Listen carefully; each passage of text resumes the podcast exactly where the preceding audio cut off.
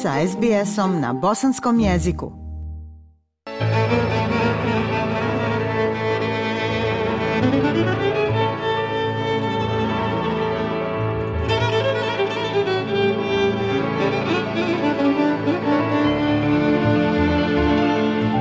Slušate program SBS radija na bosanskom jeziku. Ja sam Aisha Hadži Ahmetović. Hor Sevdalinka iz Melburna ne treba posebno predstavljati bosancima i hercegovcima u Australiji. Traje već desetljećima, a dugi niz godina vodio ga je i dao mu najbolji dio sebe moj kolega sa SBS radija Rahmetli Amir Bukić.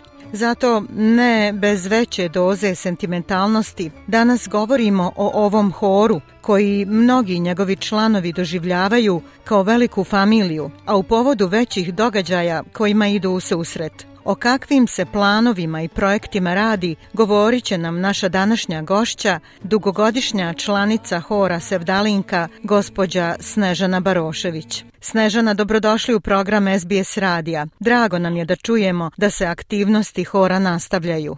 Ajša, hvala na pozivu i počašćena sam time što mogu da kažem par riječi o našem bosansko-hercegovačkom horu Sevdalinka. Imala sam priliku slušati vas po mom dolasku u Australiju prije nekoliko godina u prostoru gdje inače držite probe u Prenu i mogu reći da zaista pružate jedinstven doživljaj. Na Amirovoj komemoraciji nije bilo srca koje nije zadrhtalo uz vašu pjesmu. Recite nam kako se snalazite u posljednje vrijeme, kako ide rad hora dalje? Hor radi vrlo intenzivno, mi smo izuzetno sretni zato što nas trenutno vodi gospodin Damir Kalajđić koji je inače napravio veći dio aranžmana horskih pjesama, a također tu i gospođa Nela Trivković koja je solistkinja benda Saraj Iluminado. Između Damira i Nele mi uspijemo da održimo probe hora dva puta nedjeljno i odziv članova nikada nije bio kao što je trenutno sada. Mi osjećamo veliki legacy prema Rahmetli Amiru Bukiću koji nas je dugo godina vodio i svaki put kad se sastanemo kao da to pjevamo s njim i njemu. Uskoro vas očekuju veliki nastupi. Recite nam o kakvim nastupima se radi. Horsev Dalinka je mnogo godina, pa tako i ove godine, učestvovao na multikulturalnom festivalu u Kamberi gdje se okupljaju horovi iz svih krajeva Australije. Mi ćemo nastupiti dva puta u toku tih dana sa spletom od pet do šest pjesama Sevdalinki i na ovaj put nas vodi naša dirigentica gospođa Nela Trivković. A možete li nam reći kada se održava multikulturalni festival u Kamberi ove godine? Festival se održava od 17. do 19. februara u Kamberi ove godine. Naš Horsev Dalinka nastupa u subotu, dakle 18. februara u 7 sati na večer. Međutim, naš hor će nastupiti i u subotu ujutru u 10 sati zajedno sa horom također bosansko-hercegovačkim horom Modra rijeka i Sidneja. Na multikulturalnom festivalu u Kamberi naš hor Sevdalinka će također uzeti učešće u paradi u nedjelju, dakle 19. februara ujutru u 9 sati zajedno sa ostalim učesnicima. Ukoliko ste raspoloženi, molim vas, pridružite nam se. A šta je sljedeće? Znam da imate također krajem mjeseca jedan koncert. Recite nam o tome.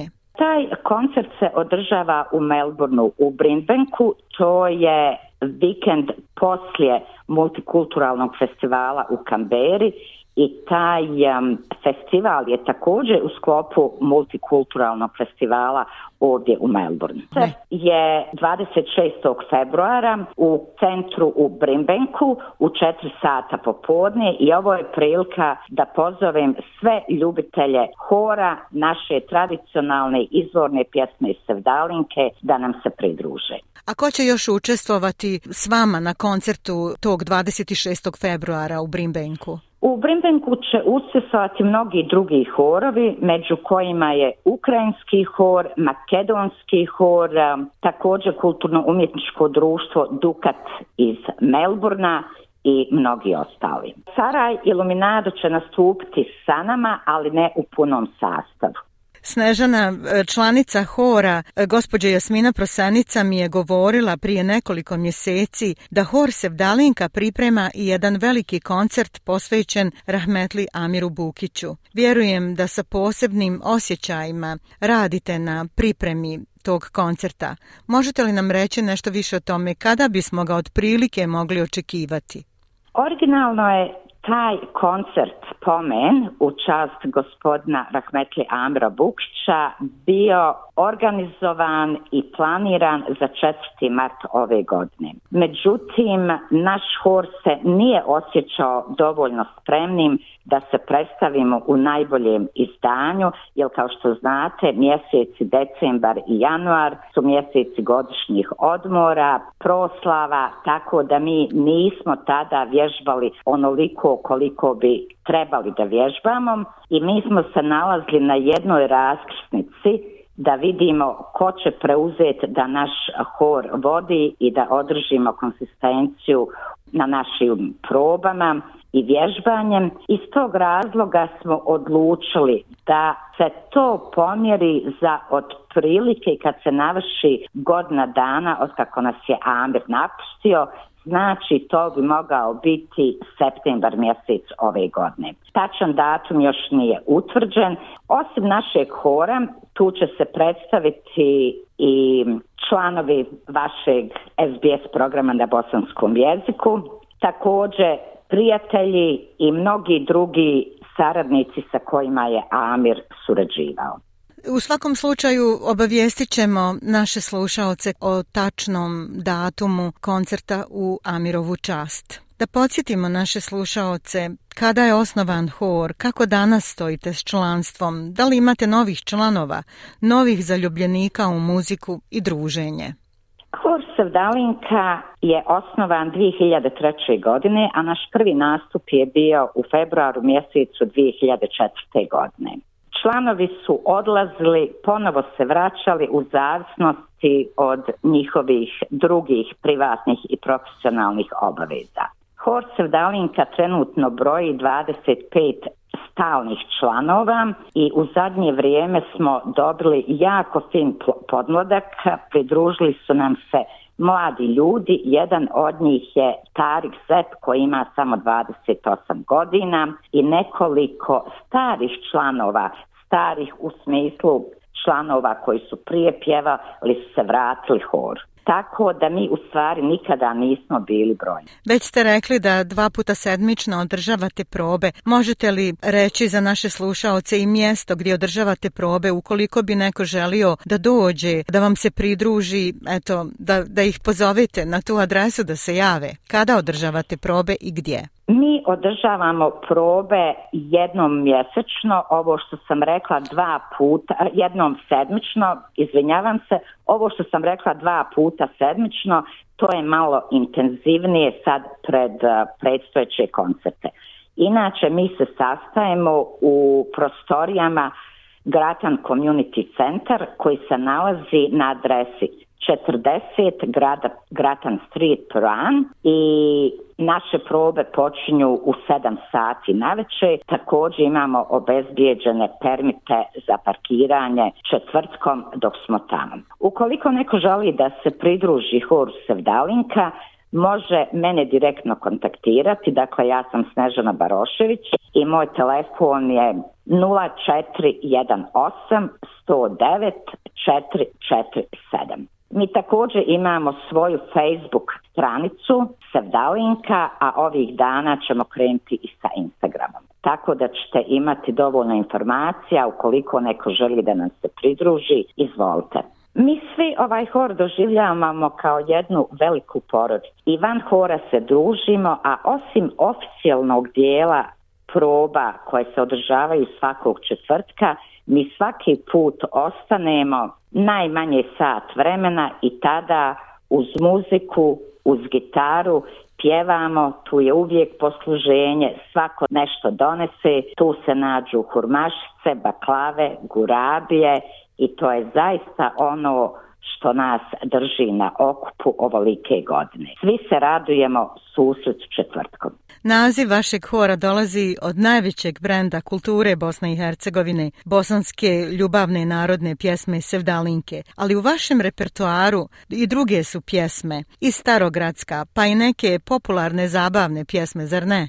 Jeste, Ajša, u Sevdalinka ipak ostaje naša najljepša pjesma i najveći broj pjesama koje mi izvodimo su sevdalinke, ali s obzirom da imamo dirigente koji su svestrani, koji su ljudi profesionalci, oni nas zaista uvode i u druge žanrove, kao što ste rekli, tu su starogradske, tu je sefarski sevdah, zahvaljujući Neli Tritković, tu su i neke zabavne, tako da imamo zaista raznovrstan i širok repertoar.